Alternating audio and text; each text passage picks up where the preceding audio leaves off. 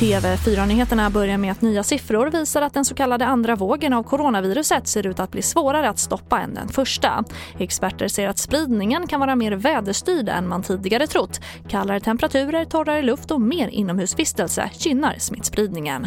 Man ser ju en ganska jämn och, och ehm, bred ökning i hela Europa till exempel. Ehm, samtidigt så ser man ju att det är en ganska lättsam situation i på södra halvklotet i Australien och Nya Zeeland. Så det är tydligt att det finns skillnad um, i säsong.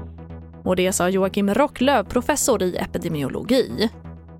Och regeringen förlänger det slopade karensavdraget fram till den sista april 2021, rapporterar SVT. Målet är att alla ska ha möjlighet att stanna hemma vid minsta symptom på covid-19 utan att behöva oroa sig för ekonomin. Och finansminister Magdalena Andersson säger att det är särskilt viktigt för de som inte kan jobba hemifrån. Och vi avslutar med att det blir inga studentförlag den kommande våren heller. Transportstyrelsen förlänger de tillfälliga reglerna som innebär förbud mot att åka bland annat lastbilsflak. Orsaken förstås coronapandemin och de tillfälliga reglerna förlängs nu till och med den 30 juni 2021. Men de kan både förlängas och förkortas om smittläget ändras. TV4-nyheterna, jag heter Charlotte Hemgren.